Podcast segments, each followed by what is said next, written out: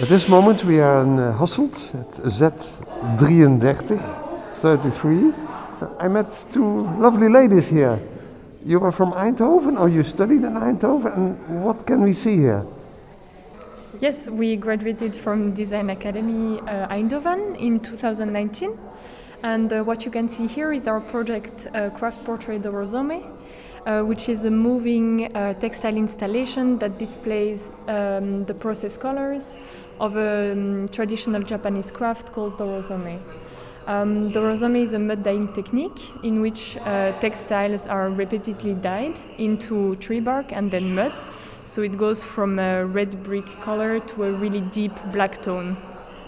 Yes, and you're very near to Eindhoven at this moment. Um, there is also a design week. You did also something for the design week in Eindhoven? Well, we hope to show the installation next year, hopefully. Yeah, but uh, not this year. Didn't happen, un- unfortunately. This year, I hope. Or next year? uh, next year, yeah, we would like to present somewhere else. Yeah.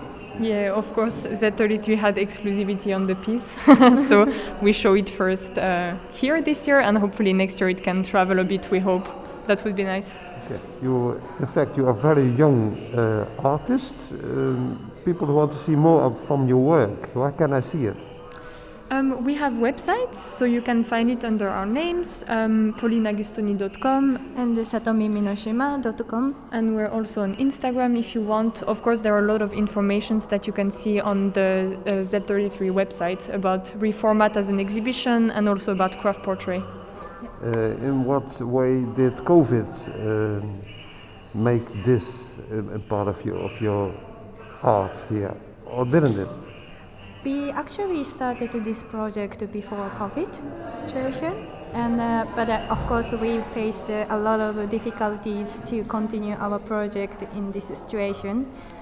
Yeah, I think mostly organization wise, but we had the chance to uh, travel to Japan before everything. So I think this really made the strength and the core of our project that we could really come in direct contact with the artisans.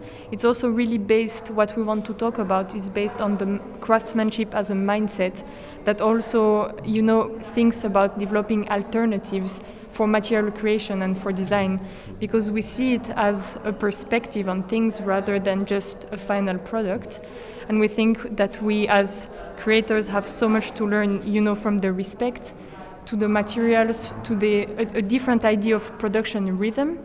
Also obviously a really strong expertise of the processes and also of the environment that surrounds the craft.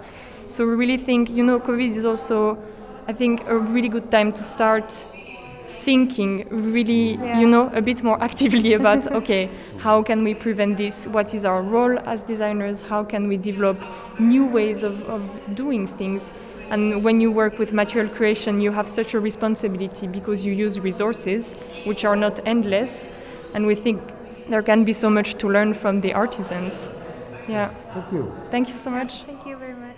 See you at Eindhoven. Eh? yes